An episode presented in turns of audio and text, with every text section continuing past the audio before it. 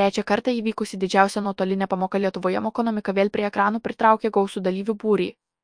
Apie 280 tūkstančių moksleivių, mokytojų bei televizijos žiūrovų dvi valandas trukusioje pamokoje turėjo galimybę išgirsti, pamatyti ir padiskutuoti apie tai, kas mūsų laukia ateityje. Šiemet trims moksleivių grupėms buvo paruošta iš viso 18 pamokų, kurias pristatė ir savo išvalgomis dalinosi įvairių sričių profesionalai, tarp jų buvo galima pamatyti ir žinomus mokslo televizijos bei muzikos veidus, tačiau didžiausia ekonomikos žvaigždė neabejotinai tapo šios pamokos vedėjas mokas, skaitmeninis avataras iš ateities. Nors daugeliui tai galėjo atrodyti kaip pokštas, iš tiesų organizatoriai šiais metais leidosi į technologinį nuotykį. Pirmą kartą Lietuvos istorijoje avataro inovacija buvo pritaikyta tiesioginėme eteryje, o aštuntoką moką nematomoje scenos pusėje vaidino aktorius Karolis Norvilas. Mokonomika inicijavusios Svetbank Lietuvoje finansų instituto vadovės Juratės Vilkienės teigimu, Didelis susidomėjimas šią žinių šventę rodo, kad įdomiai pateiktos, aktualios pamokos yra labai reikalingos. Jau trečius metus iš eilės tengiamės atliepti mokytojų ir mokinių lūkesčius bei žengti koja kojon su tuo, kas aktualu šiandien. Dalyvių grįžtamasis ryšys įkvepia kasmet ieškoti naujų, įdomių ir dar nematytų sprendimų.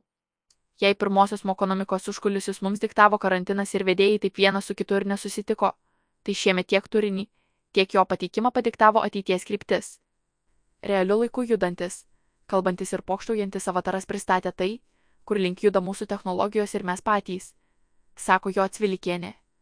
Pasak renginio organizatorių, didžiausias iššūkis buvo į vieną tiesioginę transliaciją sujungti tris dedamasias - realią renginio vedėją, kuria tapo Svetbank. Finansų laboratorijos ekspertė Justina Bagdanavičiūtė, skaitmeninį avatarą, kuris turėjo atgimti paauglio moko vaidmenyje ir dirbtinį intelektą. Būtent pastarasis padėjo sukurti dainą, kuri tapo renginio kulminacija, apjungianti visas pasitelktų technologijų galimybės. Šiemet tarp mokytojų buvo galima sutikti gamtos ekspertą Marių Čiapulį ir atlikėją Eferefingą, robotikos akademijos įkūrėją Kristijoną Vasiliauską ir Svetbank ekonomistę Gretą Ilekytę.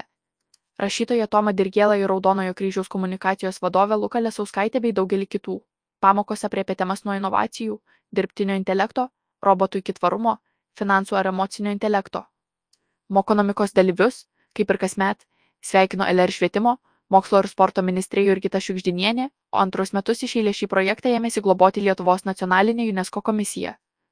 Pilna didžiausios nuotolinės pamokos mokonomika transliacija iki šiam kovo 16 dieną galima peržiūrėti internetinis adresas platformoje. Pamokų vaizdo įrašus bus galima rasti ir Svetbank Lietuvoje YouTube paskyroje. Mokonomika prisideda prie UNICEF ir UNESCO rengiamos didžiausios pamokos pasaulyje, kurios tikslas kurti inovatyvias švietimo priemonės, įgyvendinant jungtinių tautų darnaus vystimosi tikslus. Didžiausią nuotolinę pamoką Lietuvoje Mokonomika inicijuoja Svetbank.